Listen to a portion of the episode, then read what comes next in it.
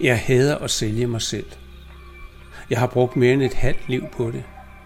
Og jeg dur ikke til det, og jeg vil ikke give salget en plads i mit nye liv. Men hvordan skal jeg så komme ud med mine oder? For det er en stor tilfredsstillelse at skrive dem, men lige efter kommer glæden ved at dele dem med andre og få lidt feedback. Jeg erkendte, at jeg blev nødt til at stole på livet. Jeg blev simpelthen nødt til at gå efter det, der føltes rigtigt og meningsfyldt, og lad alt det ligge, der blot ville pine mig. Her kommer ode nummer 79. Usynlig.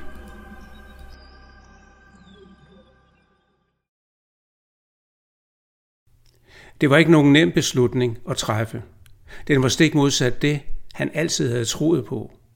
Alt det, han havde baseret mere end et halvt livs tryghed og succes på. Han kom fra en verden, hvor synlighed og opmærksomhed var absolut nødvendige elementer for at nå sine mål. Jeg vil egentlig for overhovedet at eksistere. Og nu, efter måneders frustrationer og overvejelser, efter gentagende gange at have afvist tanken om at basere sit nye liv på det gamle livs betingelser, havde han langt om længe truffet beslutningen.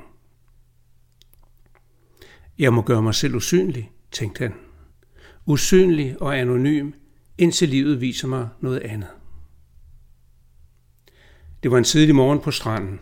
Han sad på en væltet træstamme ud til Østersøen. Dagen tegnede godt. Brisen kom inde fra land fra vest, og der var læ på den østvendte strand. Og mens solen smukserede sig i det blanke vand og gyldne stråler slørede hans fugtige blik, drog hans tanker mod himlene. Ligegyldigt hvor meget jeg fokuserer på værdierne i mit nye liv, på naturen, universet, guddommen og kærligheden, så lurer trangen til opmærksomhed og behovet for anerkendelse. Jeg bliver nødt til at skrælle alle ambitioner væk. Jeg må ned og skrabe bunden, ned til essensen. Jeg må helt derned, hvor kun tanken eksisterer. Tanken om at skabe og skrive. Tanken om, at det vigtigste i livet er at erkende. Og han var klar over, at det var der, hans nye liv skulle begynde.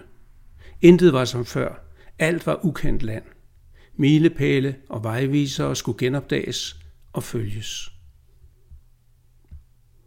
Han sad roligt på træstammen. Mærkede naturens sommersorg og kærlighed omslutte sig, og han følte glæden over den rigtige beslutning fylde sit indre. Stille strømmede taknemmeligheden over ham. Endnu en gang havde livet vist ham vejen. Kære himmelske far, viskede han rørt. Tak fordi du er hos mig. Og han fortsatte i et anfald af glæde, lettelse og overmod. Vis dig for mig. Han havde ikke forventet noget svar, og stivnede derfor, da han sekundet efter hørte ordene indvendigt. Jeg er her. Han løftede hovedet, så sig omkring, så på alting, så på den blå himmel, det blanke vand, på sandet, vendte sig om og så skoven bag sig. Så smilede han og tænkte, ja selvfølgelig, du er her.